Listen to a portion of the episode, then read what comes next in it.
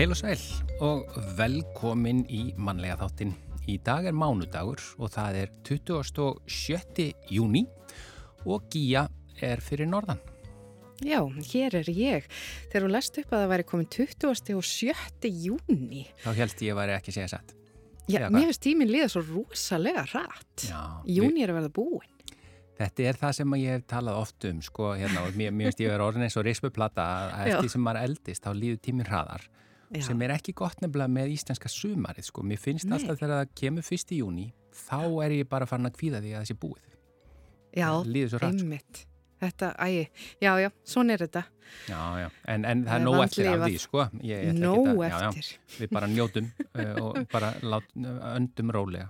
Öndum með nefinu. Já. En það sem gerðist á þessum degi 27. júni í gegnum tíðina, það ætla ég að, við skulum byrja á því. Já. Og árið 1782, þá var bannfæringin numin úr lögum á Íslandi. Já, sem betur fyrr. Uh, Jörundur hundadagkonungur, hann let hengja upp auglýsingu á þessum degi árið 1809 þar sem að ástóð meðal annars allur danskur myndugleiki er upphafin á Íslandi. Það er aldrei flott. Já. 1823 að þessum degi þá hófst köllugos með stórhlaupi úr Mýrdalsjökli sem skemmti jarðir bæði í Mýrdal og Álta veri. Fyrsta loftskeiti Erlendis frá barst til Íslands á þessum degi árið 1905. Þetta var Marconi skeiti frá Englandi og var tekið á móti því í loftskeita stöð við Rauðará í Reykjavík. Og boranir hófust eftir heitu vatni í Laugardal í Reykjavík á þessum degi 1928. Tveimur ánum síðar, árið 1930, var alþingisháttíðin sett á þingvöllum þanga komu um 30.000 manns. Háttíðin stóð í þrjá daga. Og búð Þurriðar Formans var tekin í nótkun á Stokkseyri í minningu Þur Þurriðar og það var gert árið 1949. Svo er að heima eiga gósið í Vestmanneum það hætti að bæra á sér á þessum degi árið 1973 eh, eftir rúma fimm mánuði. Já, og núna er aldrei fundarhöld í Vestmanniðum þar sem að einmitt á að eitthvað að ræða uh, gósið, Gos- viðnámsþrótt Já, já, já. Í samfélagsins. En 1988 á þessum degi þá eru fórsetakostningar á Íslandi og það var í fyrsta sinn í sögu íslenska liðvillisins sem mót frambóð kom gegn sitjandi fórseta. Og á þessum degi árið 1992 áfengis og tópaksverslun ríkisins framleiti síðustu brennivinsflöskuna og afhendana þjóðminnasafninu til varðvislu. En fyrsta flaskan var framleitt 1935 og er einnig varðveitt í safninu. En uh, það sem að verður á dagskrá mannlega þáttarins í dag, það er stoppfundur þróunafélags Rísegar, uh, var haldinn í síðustu viku. En þróunafélaginu er ætlað að vera leiðandi í almennri byggð og uppbyggingaþróun í Rísei í samvinnu við Íbúa, fyrirtæki og félög í Rísei á samt Akureyrabæ. Við ætlum að forvitnast nánar um þetta félag og uh, já, áform þess hér í mannlega þettinum og sláum á eftir á þráðun til Ásrúnar Írar Gestóttur, verkefnastjóra áfram Rísegar. Já, og eh, við fáum vingil frá Guðjónu Helga Ólasin í dag og í þetta, sinn leggur hann vingilin að niðursuðu dósum og bótulisma, hann útskýrir þetta betur á eftir. Svo er það lesandi vikunar sem í þetta sinn er Mari- María Elisabeth Bragadóttir, rithöfundur, við ætlum að fá að vita hvaða bækur hún hefur verið að lesa undanfarið og hvaða bækur og höfundar hafa haft mest áhrif á hann í gegnum tíðina. En það er komið að fyrstu tónlistinni, fyrstu tónum þáttarins. Brimkló ætlar að eiga hérna fyrsta leik. Já, síðan eru liðin mörg ár heitir þetta lag.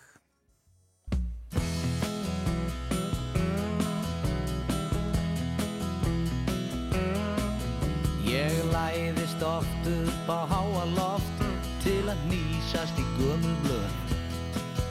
Þegar sitt ég eitt þar kom upp minningar og atburðar rásverður hröð. Allir strákarnir voru í támjóm skóm og stelpur með túberað hár.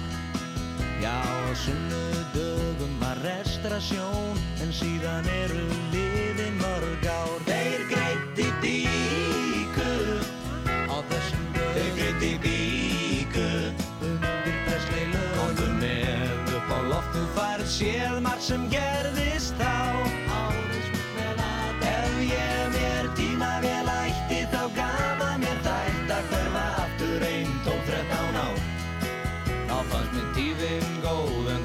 Verðum ellin móð.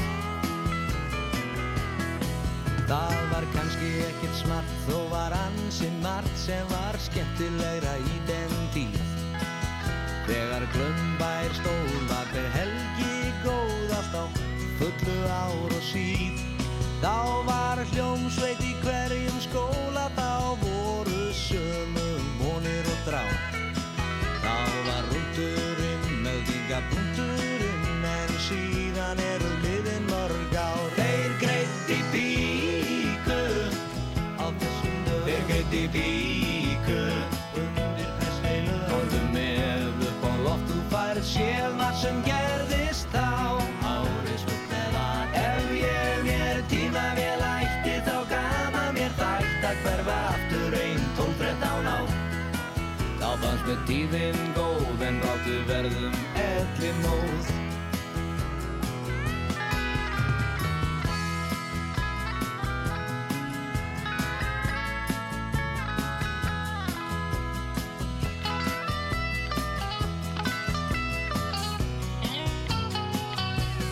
Þá var hljómsveit í hverjum skóla þá voru sömu vonir og þrá Þá var rúndurinn meldinga punkturinn en síðan eru liðin mörg ár. Þeir greitt í lög Þeir greitt í píku undir pressleilu Áttu með upp á loft þú færð séð margt sem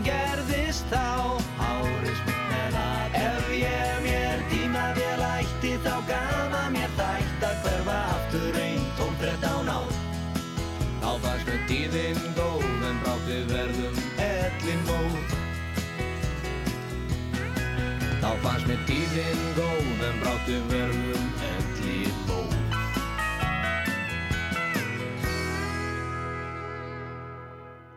Já, þetta var uh, Brimkló að syngja lagi síðan eru liðin mörg ár. Uh, Lagið er eftir Chip Taylor og textin er eftir Þorsten Eggesson. Það er bara áhugavert að veltaði fyrir sér. Þeir vildu breyða sér aftur um um 12-13 ár mm.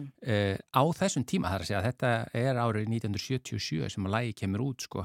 Þannig að Já. í dag, það hætti kannski að uppfæra tíman, breyða sér aftur um, um einn 50-60 ár eða eitthvað sliðis.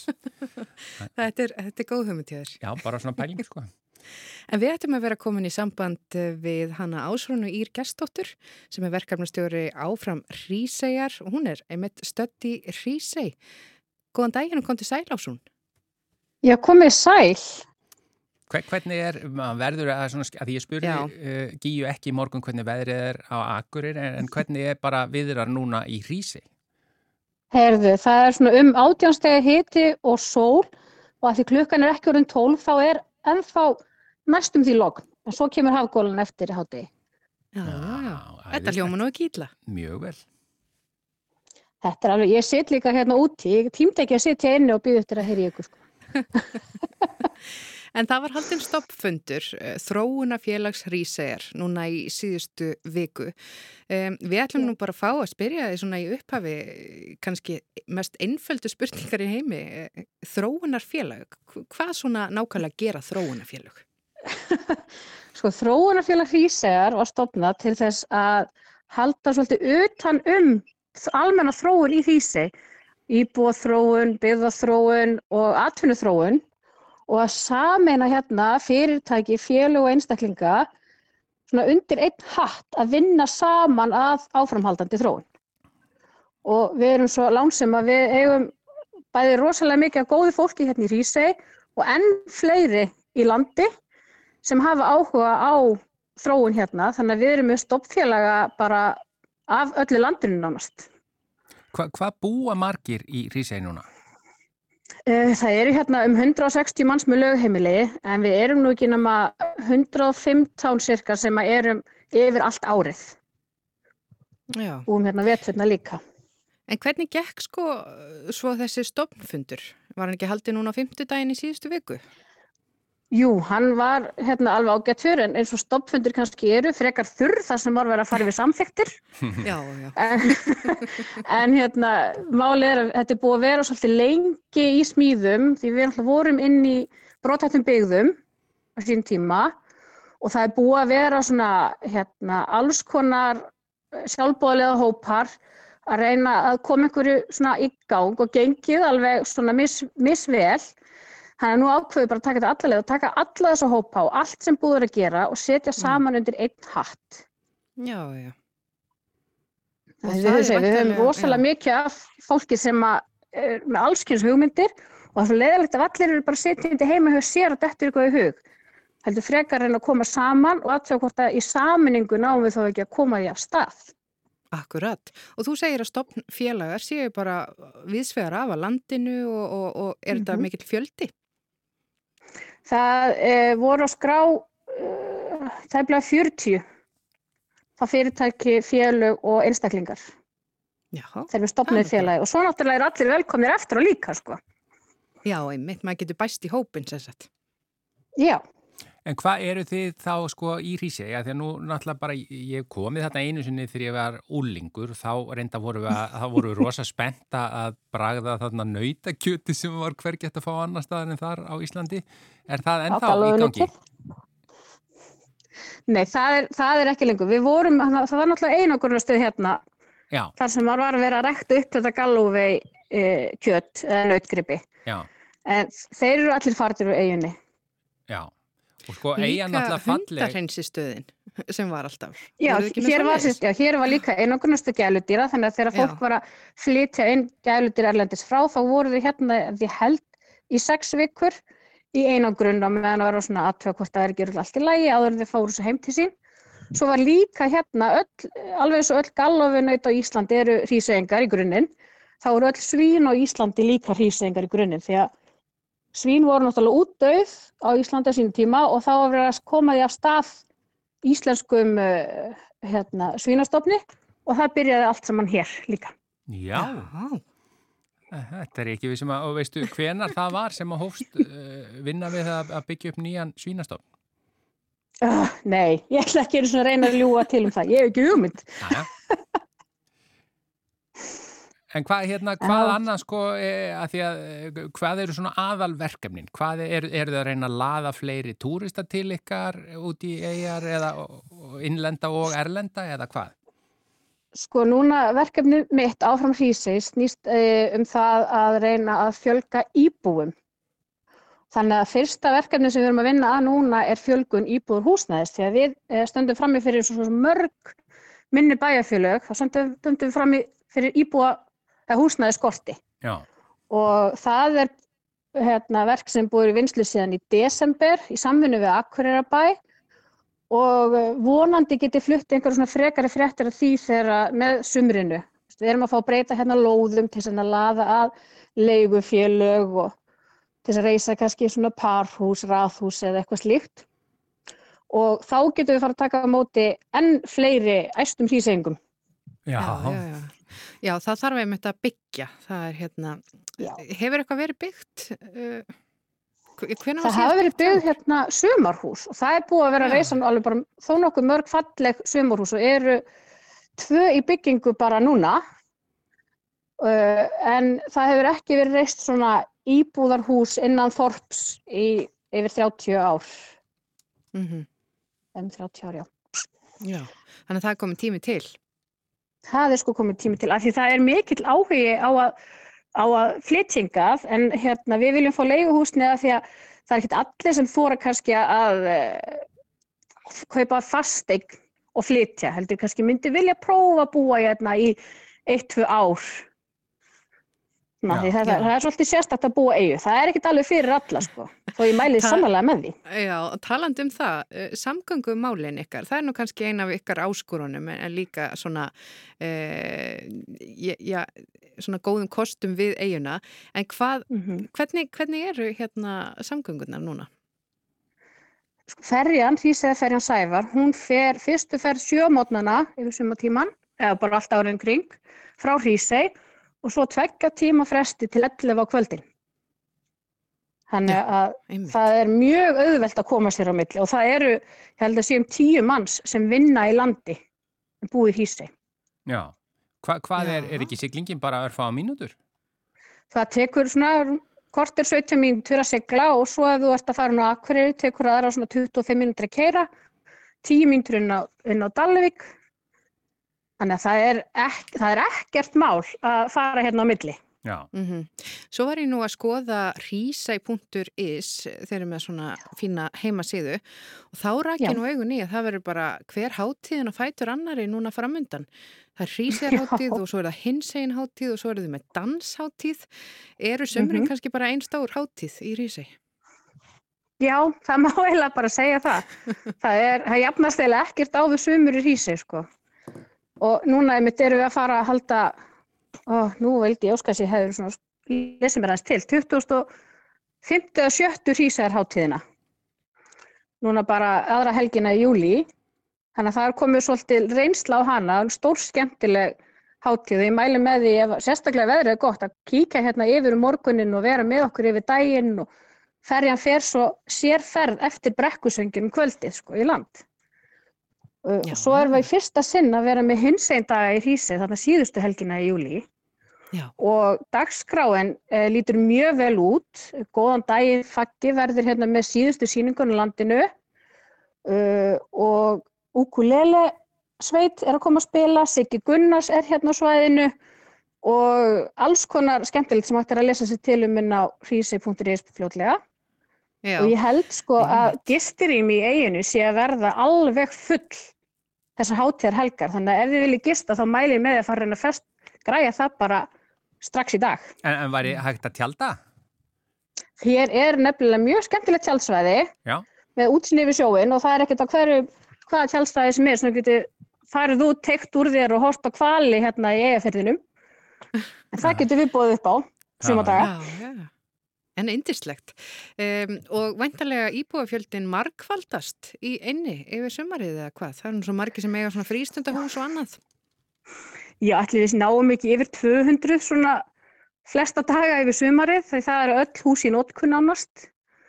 Og svo eins og þegar hátjarnar eru þá minnum ég að það hefði á síðustur hýsarháttíð verið um þúsund gestir í eiginni.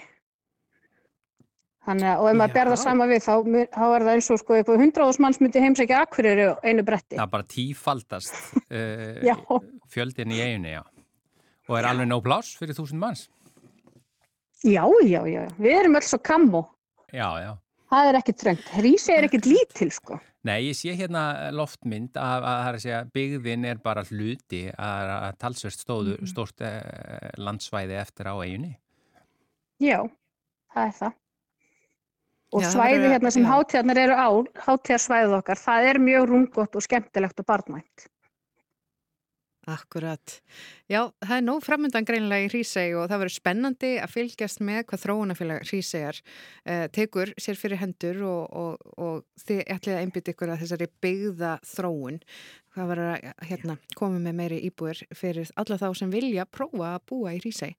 En mm -hmm. við bara segjum bestu þakkir eh, til ykkar allra út í eigu, Ásrún Ír Gerstóttir, verkefnustjóri áfram Hrísegar og gangi ykkur vel. Takk fyrir kella og ég lakka til að sjá okkur hátíð mér hýsa í sumar. Takk, takk, takk fyrir það. Bless, bless. Bless, bless.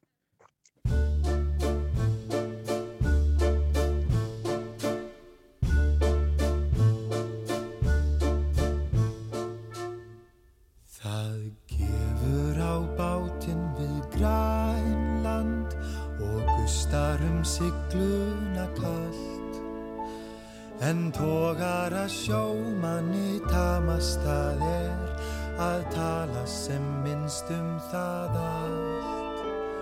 En fuggli sem flýgur í austur er fyllt yfir hafið með þrá. Og vestfyrskur jökull sem heilsar við hort í hylling með sólróðna brá.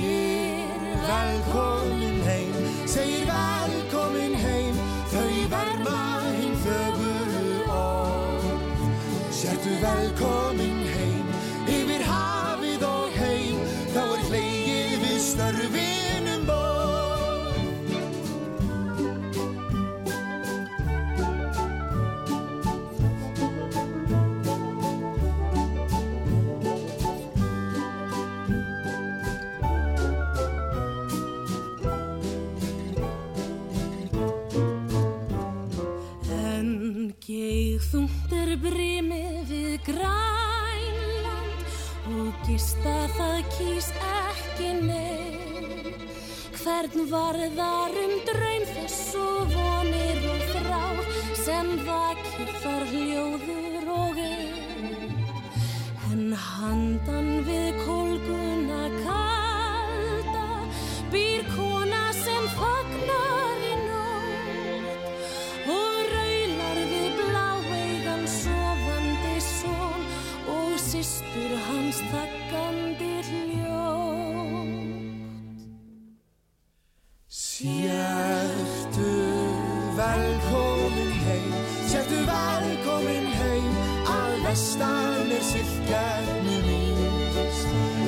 Sértu velkomin heim, yfir hafið og heim og horgar gútjúpinur í.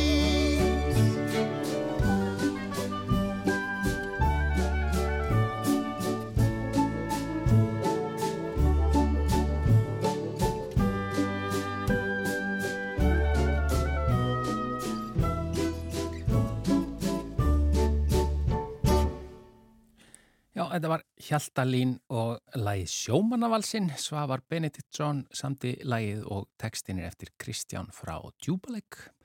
En nú er komið að vingli frá Guðjóni Helga Ólafsinni. Ágætu hlustendur. Hér er búið að bera heim tölvert af sumarblómum. Meiningi var að punta örlítið upp á nær umhverfið eins og það heitir víst. Eh, En Anríki hefur verið tölvert hjá okkur hjónum hérna á og blómin standa enni framleiðslu pottum hérna fyrir utan í einum hnapp eins og mörgæsir og þykja skjól hvert frá öðru kannski og, og höfðu sem betur fer hvorki fókið nýja flotið á brottum helgina í rigningunni. Við skutumst hér yfir að Vassholti sem einu sinni var í næsta reppi en telst vera innan sveitar með við núverandi fyrirkomulag. Erindið var nú að hitta austfiskar kempur af ætt konu minnar og í leiðinni að fara í fyrstu útilegu sumarsins.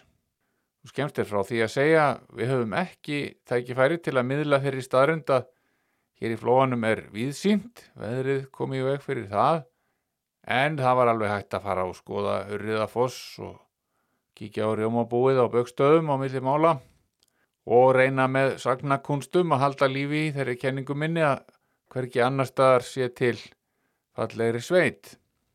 Fyrsta útilega sumarsins fór sem sagt bara vel fram og græðunar virtust að halda því vatni sem kemur af himnum ofan frá því að komast inn sem er afar jákvætt.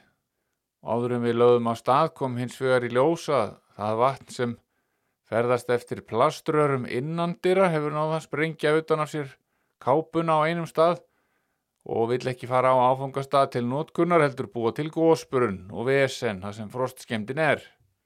Alveg óþarf við að fara á taugum yfir svoleiðis smottir í. Við setjum bara þvingu á röruð fyrir framann skemdina og, og lofum að gera við þetta næst þegar að lausa stund og, og reynum að svíkja það ekki. Í Vassholti er ágætt tjaldsvæði og líka veitingasala þannig að maður þarf svo sem ekki að opna eina einustu niðursuðu dós af neyðarmat frekar en maður vill. Ég viðurkenni fúslega að grípa til svoleiðisar ástafana á, á ferðalögum ef nöðsinn krefur og svo sem án þess líka það er ágætt að móka í sig fiskabólum úr dós eða steikja hjólbarða eins og niðursneittur fiskbúðingur er stundum kallaður eða heita bakaðar bönir svona ef maður nennir ekki að hafa mikið við en langar samt í heitan mat. Yngri kynnslóðin hjá mér grýpur frekar til þess örþrifaráðs að útbúa skyndi núðlur sér til meindrar næringar við slík tækifæri. Það er fæðutegund sem mér finnst alveg fullgómin óþarfi að bera heim úr kjörmörkuðum. Þó létt sé.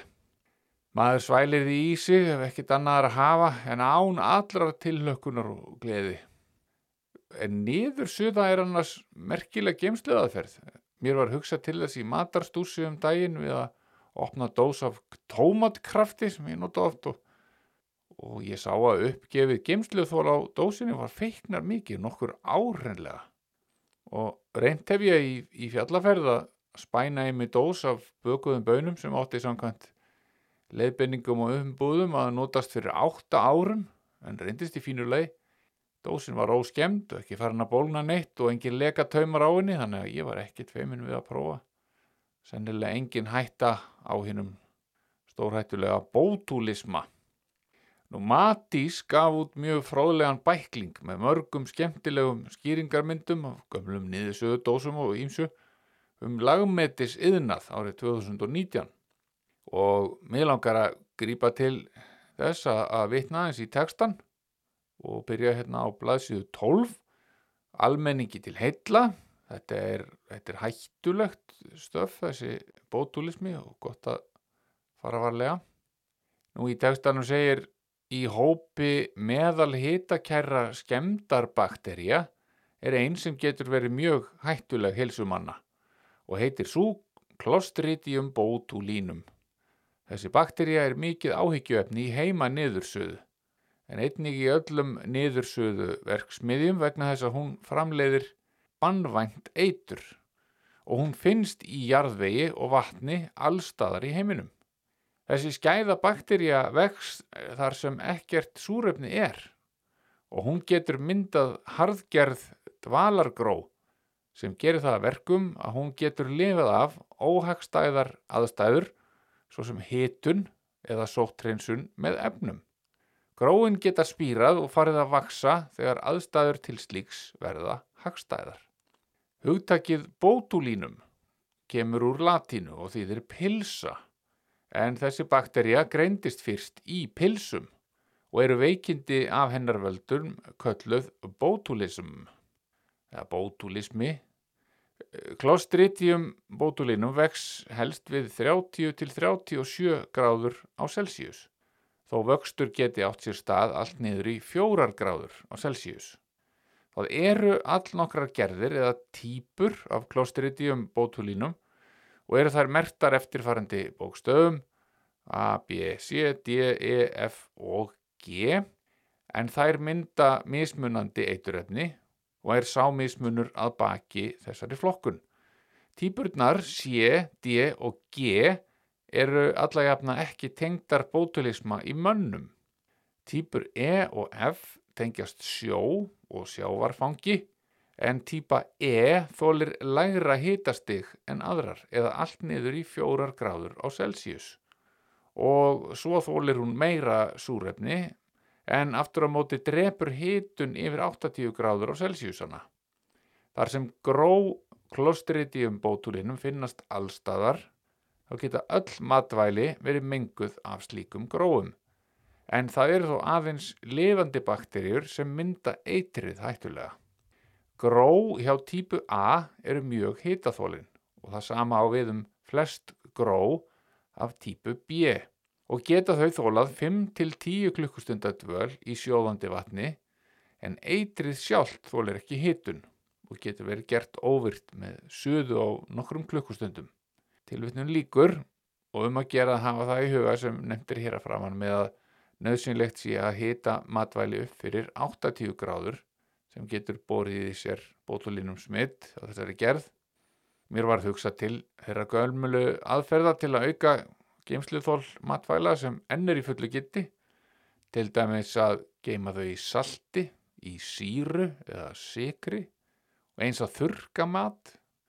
Hvers vegna virka þær aðferðir svona vel?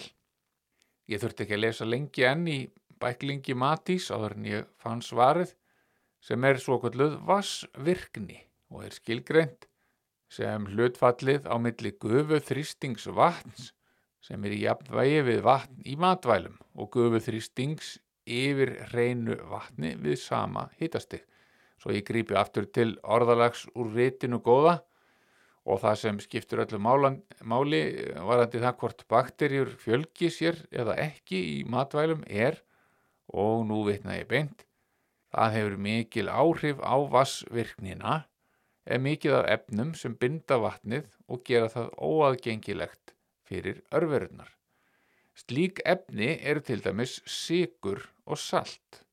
Flest matvæli hafa vassvirknina 0,96 til 0,99 og flestar bakterjur, gersveppir og mikla vaksa við slíkar aðstæður. Gró klostridium bótulinum geta yfirleitt ekki spírað ef varsvirknin er undir 0,93. svo ef vassinnihald matvæla er aukið og vassverknin kemst yfir þessi mörg, þá spýra gróin og hægt er að deyða örverurnar sem hafa þá lifnað við með því að beita væri hitun og vernda þannig matvæli sem þóla illa kröftuga og langa hitun. Dæmi um slík matvæli eru netusmjör, síróp, sultur, hlaup og ymsar gerðir sælgætis. Til yfirnum líkur og ég verð það hjá það, mér finnast þetta stórmerkilega vísindi þó að þetta sé nú kannski ekkit mjög aðgengilegt svona sem, sem teksti en þó er þetta merkilega góður samt. Í stuttumáli er sem sagt hægt að takmarka vöxt þessara óæskilegu lífera með því að breyta sírustígi, gera vassvirkni óaðgengilega með viðbættum sigri eða salti eða með því að fjarlæga vatnið með þurkun. Og ég get þá snætt minn dósa og krukku mat á ferðalögum hér eftir sem hinga til í sætli ró. Fullvisum að ef dósir og krukkur eru í lagi þarf ég ekki að hafa neinar áhyggjur af bótulisma eða öðrum álíka bráðdrepandi óþvera. Nú er ég mest að ferðast hérna heima á Íslandi og miða útgerðina auðvitað við það. Hér er til dörla stutt á milli þétt bílirstaða og yfirleitt eru nú einhverjir gjörmarkaðir þar sem hægt er að kaupa sér fersk vöru. En stundum leggst maður í hálendisferðir og þá getur verið gott að eiga nokkrar dósir til vara og kannski auka kaffipakka eða tvo. Og ef ég fæ einhver tíman leið á að þvælast um hér á Íslandi sem alls ekki eru líkur á, er kannski spurning um að kúpla alveg yfir í geimferðir. Ég áreindar engar græjur sem passa í svo leiðis en það getur nú breyst og ég sé ekki betur en að lagmetis yðnaðurinn hafi ráðundir rifi hverju til að sjá geimförum fyrir hollum og næringaríkum mat. Í geimferðum er til dæmis algengt að bjóða upp á egg til morgunverðar. Þau eru reyndar ekki beint af skefnunni eins og ég er vanur. Heldur er búið að elda úr þeim eggjarræru og frostþurka, bleita upp, frostþurka aftur og leggja síðan í málm ílát sem ég gerum fastlegar á fyrra séu niðursuðu dósir einhvers konar. Egg geimast í tvö ár með þessari aðferð og þykja ljómundi góð. Kanski helst að erfitt sé að borða þau í þingdarleysinu en það er mál sem hlýtur að vera hægt að leysa einhvern veginn. Kanski kreista einhvers konar póka með eggjarhæru upp í sig. Mitt eftir það í hug og ekki séða nú beint virðulegt að kreista upp í sín mög í alla mata. Og þó maður sér, fólk er að gera þetta, íþróttafólk og, og það er badnamatur er seldur í svona kristi pókum. En ég vil nú heldur disk og nývapur og tyggja minn mat finna góða matarlykt og njóta þess að horfa á vel framsetta og bræðgóða rétti. Það er kannski sérviska, en ég nenn ekki gemferðalög fyrir en búið að vera að græja það. Og álíka eftir að skoða fullt hérna heima og, og svo breytist nú ímislegt í árana rás og þá fer maður bara aftur. En á meðan orraversmiðurnar halda velli og ég tekka fram að þær er ekkert að, að styrkja mér neitt. Það er frekar að ég styrti þá. Þegar meðan það er halda velli þá ætla ég að eiga nokkrar dósir í útilegu dótinu. Það, það bara hefur aldrei klikkað. Góðar stundir. Háður fólk eins og ég og fleiri Hér finnst þú líkastur bættri flík Og situr langeigur út á landi Og langar suður í Reykjavík Sjáðu fokkerinn fljúa yfir. Frænka önundar kannskum ból Þú bölvar dugleg í hljóð og heldur. Heim og mælir ekki orð. Þú kaupir bíldudals grænar bönir Blandar vodka og engi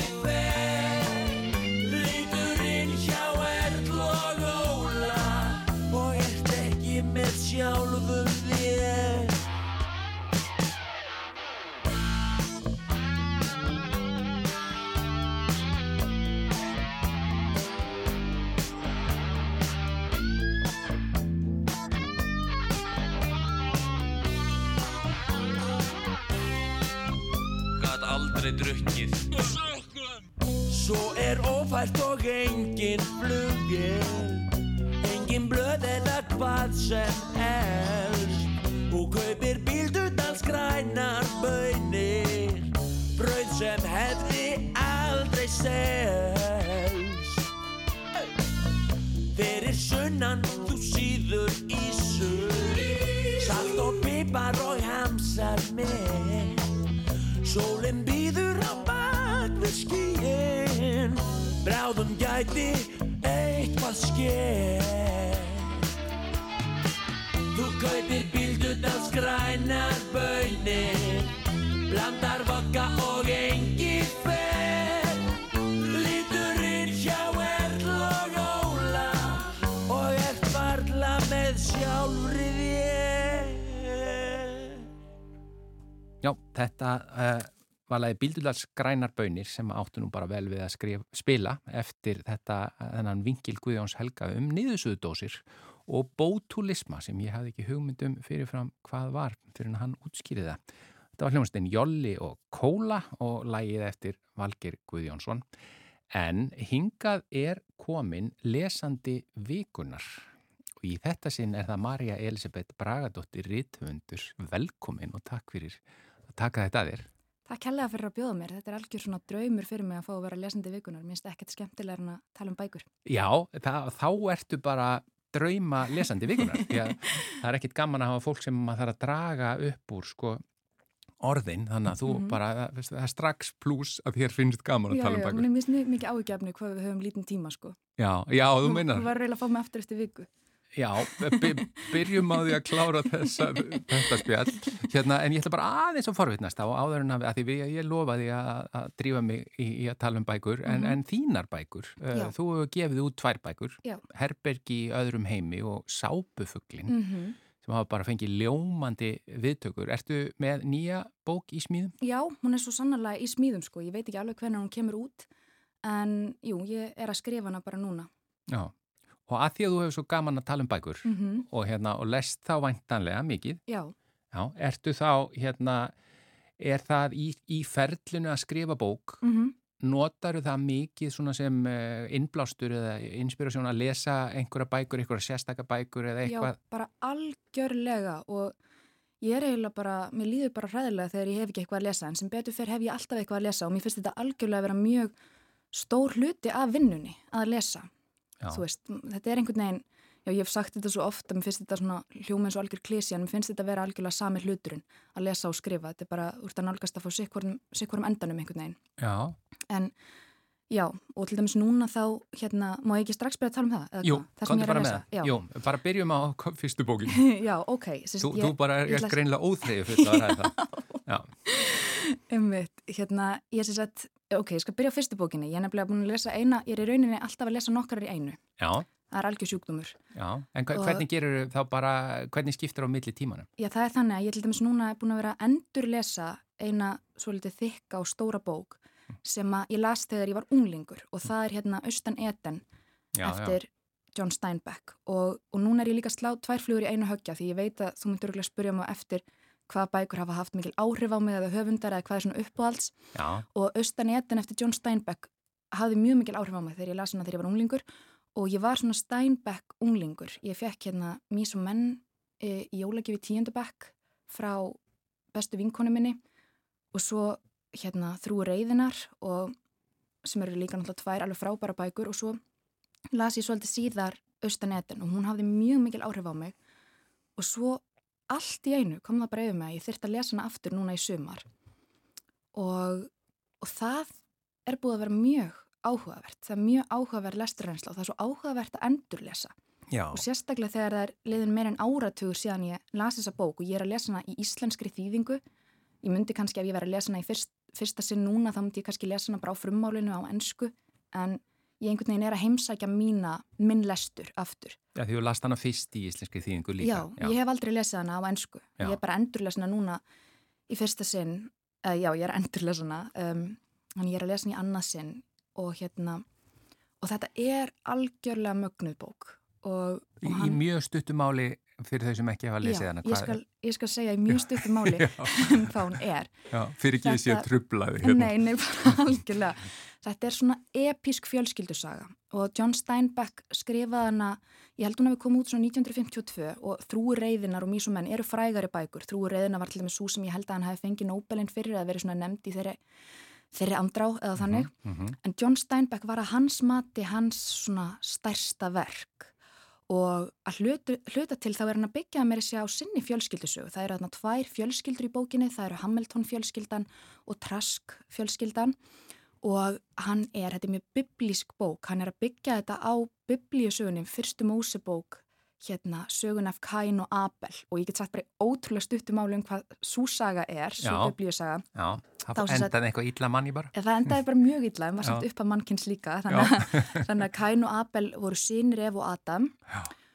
og um, Kain var hérna akurirkjumadur og Abel, um, hvað heitir það, hjarðmaður, Já. er það ekki rétt orð? Hyrðingi. Já, já, ekki, já, einmitt og hérna, og hann fórnaði til Guðs lampi en um, hann kom með, hann, hann, hann Kain var með ávexti og, og hérna, já, eða eitthvað svona, eitthvað, eitthvað frá agrinum Já. og svo fórn var ekki Guði þóknanleg, Guði leiti ekki við henni, Kain varð sjúkur af afbríðsemi og hann drap bróður sinn, það er bróðurmorð. Já. og fyrir viki var honum útíst úr eten og hann þurfti að fara austan eten og það er þessi titillina bókinni, austan eten Já, og, og á þessari sögu byggist sagan austan eten, þetta er eru tvær kynnslóðir og þetta eru tveir bræður, fyrst er það Adam og Charles.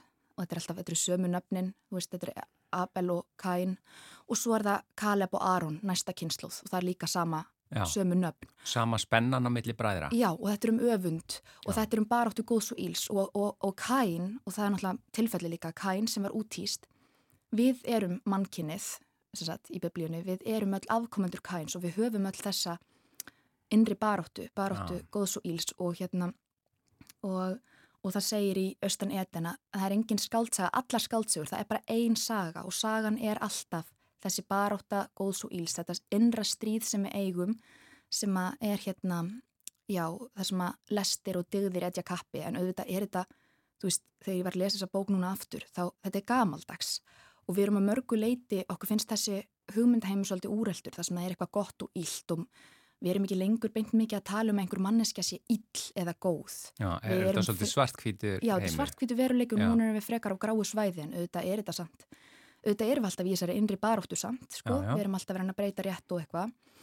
Um, en já, þetta er samt, og þessi saga er ótrúlega mögnuð og líka hvernig hún er skrifið. Hún er svona ofsalega, hún er rosalega löng, hún er í tveimur bindum og hún er svona, vinur minn notaði þetta orð hérna episódísk, þar sem hún er svona í þáttum, hún er svona ofsalega þáttaskipt. Þetta gæti verið í rauninni brjálaðislega löng Netflix-serja. Já, var ekki gerðið mitt einhver svona nokkura mynda, uh, veist, eitthvað tvær, þrjár, uh, með, ég, minnir ég hafi séð East of Eden, sko. Jú. Hérna, já, Algjörlega og, og ég held já, einmitt og bíómynd líka, James Dean leki henni, alveg rétt, já. og hérna, en já, þetta er, þetta er alveg mögnuð saga. Episk saga. Þetta er episk saga. Já, en ég þykist vita, ok, þetta er eh, austan, eh, austan Eden, þetta er John Steinbeck, ég þykist vita að því þú var svo spennt að byrja að tala, þú vilji tala líka um einhverju fleiri bækur, þannig að vindum okkur í næstu. Ég verði endur að bæta við að, að því að John Steinbeck er hérna að að byggja hluta til á sinna eigin fjölskyldusögu, Já. þá kemur John Steinbeck fyrir í bókinni sem svona lítil aukapersona, sem barn, sem er svolítið skemmtilegt. Sem heitir John. Já, sem heitir John Steinbeck. Það Já, er nú sannlega- alveg bara- Já, já, er bara já. John Steinbeck þarna í bókinni. Já, já. Um, og svo er tvær aðrar bækur, þetta eru gríðalega ólíkar bækur sem ég er að nefna. Hérna, næsta bók sem ég ætla að nefna er bara ný útkomin í íslenskri þýðingu og alveg frábæri þýðingu. Minnir að þýðandin, ég ætla, já, fyrst ætla ég að nefna kannski höfundin, það er Solveig Ball, danskur höfundur og bókin heitir Rúmólsreikningur 1. Hún var að koma út núna, þetta er mjög stutt skaldsaga en hún er bara fyrsta bindið í sjö bindum, þannig í rauninni er þetta mjög stór skaldsaga. já, Og um, já, þýðandin er, hvað heitir hún? Já, Stef, Steinun Stefánsdóttir. Já. Og alveg þvílik natni lögði þýðinguna, þannig að hún er á ótrúlega flottri íslensku. og hún er fyrsta segir af sjö. Fyrsta af sjö, sem Já. er mjög áhugavert einhvern veginn áhugaverð hugmynd að skrifa svoleiðis bók. Minnir á Harry Potter. Já, nákvæmlega. En uh, bókin er vissulega mjög ólík Harry Potter samt að efnistökum. Það er að segja, mannst eftir myndinni hérna Groundhog Day. Já, Já, þetta er sem sagt, þetta það sem að sami dagurinn endur tók sig aftur og aftur og aftur og aftur. algjörlega, þetta er svo hugmynd nema skrifuð inn í hann við svona svakalega skandinaviskan realisma. Já, Og hérna, og ég var að klára þessa bók núna á, bara fyrir helgi á föstudaginn og ég, sko, mér fannst hún alveg mjög áhrifamikil og ég gati ekki hægt að lesa hana. já, En á sama tíma fór ég að hugsa sko, þetta er kannski ekki sniðu bók til þess að lesa í svona haustlegð því hún er svo drungaleg. Hún er mjög drungaleg þannig að hérna, tíminn er núna, sumarið. já, en Já. þetta er mjög óhugnaleg bók sko. En er, er þessi, það er, þessi, það er endutekning, það já, er einhver það er kona í... sem að lifir 18. november aftur og aftur og þetta er mjög heimsbyggileg bók og það er náttúrulega svo áhugavert sko það sem að hún er að skrifa um svo mikla einsemt og svo Mhm. mikinn einmannaleika Mm. og þú veist það er svo áhugavert, við erum náttúrulega öll einhvern veginn, við erum öll ólík og við lifum öll ólíkum lífum.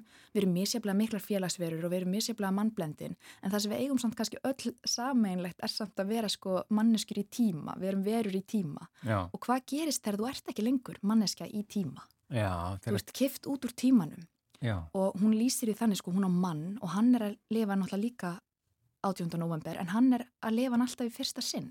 Já, því hann er ekki meðvitaður um, um það. alls ekki. Og hún lýsir því sem þannig sko að hann er einhvern veginn fastur í eilífðinni en hún er eiginlega sko að fara í gröfina. Og hún, hún sko, henni, hún fer að upplifa sjálfa sig sem skrimsli, hún hættir einhvern veginn að líta á sig sem mannesku og hérna, já en, en ég held ég ekki að spilla neinu, en þetta er mjög áhugaverð bók En bara ein spurning sem vaknar að því þú segir þetta sé fyrir sjö bækur, Já, gerast þar allar þennan dag. ég nefnilega veit það ekki, Já, ég verða Það hérna kemur í ljós já. í næstu. En þetta er ofsalega, þó, hún sé góð sko, þá er hún mjög endurtekningarsöm og þung, þannig að, En er, er bara annað að því að þetta eru sjö bækur, Mhm. er, er hún búin að skrifa þær allar sjö eða er hún bara búin að segja að þær verði sjö? Ég nefnilega veit ekki, ég, ég held hún sé ekki búin að skrifa þær allar sjö, Æja, þá, hérna, þá verður bara að býða. já, Þetta var eh, Rúmmálsreikningur 1 eftir Solveig Ball. mm Eh, ein bók áður, Já. áður en við förum aftur í tíman, sko. já, Já, já, þá ætla ég að nefna bók sem er líka einmitt gerólík þessum tveimur bókum og það er My Body eftir Emily Radajkovski og Emily Radajkovski er supermodel, hún er ofur fyrirsæta og svona algjör stórstjarna hún skrifaði þessa bók held ég fyrir nokkur, að tveimur árum, hún er bara hún er ung, hún er nokkurum árum eldri en ég, hún er 32 ára eða eitthvað og hérna ég man þegar ég heyrði frá því að hún var að skrifa, heyrði að því að hún var að skrifa þessa bók fyrir nokkrum árum, þá fannst mér einhvern veginn svo skrítið. Uh, mér fannst það hljóma eitthvað svo fjärstæðukent eitthvað svona ofurmótil verið að skrifa æfiminningar sínar. Það er náttúrulega vallat að kalla þetta æfiminningar af því að hún er svo ung, en hún er að skrifa um reynslu sína af því að vera kona í þessum geira, þar að segja Já. mótilbransanum já, og, og reynslu sína af því að vera í sínum líkama. Og ég hérna hafði svolítið fordóma og hérna, já, bara hafði fordóma fyrir svona fallegri konu. já. hugsaði með mér sko að hérna kona sem að lifir og hærist einhvern veginn um, svona mikið á yfirborðinu, hefur einhvern veginn atvinnu af því að vera bara falleg Mm. um, og hefur einhvern veginn gengist upp í því alla æfi að, að þóknast einhverjum karlmönnum til dæmis.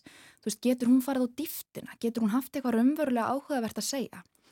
Og hérna kemur á daginn að hún getur það svo sannarlega og hún er alveg ótrúlega flottur höfundur. Það er nú bara áhugavert og gott þegar maður grýpur sjálfans í einhvers konar fordómum. Já, mjög og Já. hérna hún er ofsalega áhugaverða rödd og hún er í rauninni í þessari bók hún er sko að skera upp algjört herur af því að hún er sko líka að skrifa um um allt ofbeldið sem hún hefur orðið fyrir um, í þessum bransa af hálfu karlmanna, Mm. ógislara karlmanna um, og svo er hún líka sem er mjög áhugavert, hún er bara að skrifa um það hvernig er að vera einhvern veginn, först í kvann líkama og við erum, allar konur eru það, hvort sem þær eru uh, fyll, upp, uh, fyll upp í einhverja, einhverja fegur að staðla eða ekki mhm.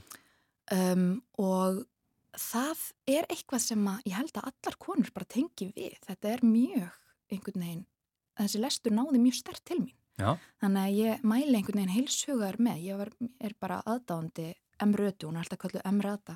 Þetta Emily Rata, Radajkovski, Ratakovski. já, Já, já, þannig að hún bara náði þér algjörlega þrátt fyrir að þú hefur ekki mikla Já, vonur til þess. já, sko fyrst, en svo einhvern veginn. En.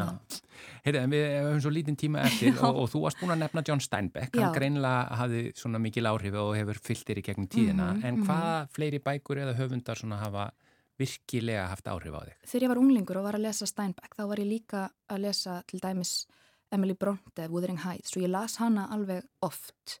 Hún hefði mikil áhrif á mig. Svo verði ég að nefna sko í setni tíð, því að ég er hérna mjög svona hrifnæm og mér fannst það alltaf svolítið asnalegt að vera svona hrifn- hrifnæm, mér fannst það benda til þess að ég væri ekki krítísk, en ég á ennþá einhvern veginn, ég er ennþá alltaf að eignast uppáhaldsbækur sem ég finnst svona sjálfgeft fyrir fullotna, að fólk kannski tala bara ekki um það, Já, En ég til dæmis kynntist fyrir bara mjög fáum árum Natalie Ginsburg, ítölskum höfundi, hún hefur ekki verið þýtt yfir á íslensku. Fyrst, að, mér finnst hún algjörlega mögnuð, hún er að skrifa um veruleika kvenna í Ítali á 20. stöld. Svo við Tove Dietlefsen sem var bara þýtt mjög nýlega yfir á íslensku, bókin Gift. ég þarf að stoppa því. Ok, Því miður. og, Við, og bara aftur að viku, neitt. Já, já, við þurfum bara að skoða þetta það þarf kannski að líða smá lengri tíma en einvika en Marja Elisabeth Bragadóttir takk innilega fyrir að vera lesandi vikunar Já, takk fyrir að fá mig, svo gaman. Þá er bara þættinum lokið í dag. Eh, við verðum hér auðvitað aftur á sama tíma morgun. Þá kemur Guðrún Gunnarsdóttir aftur úr fríi. Þökkum bara innilega fyrir samfélgin í dag og verið sæl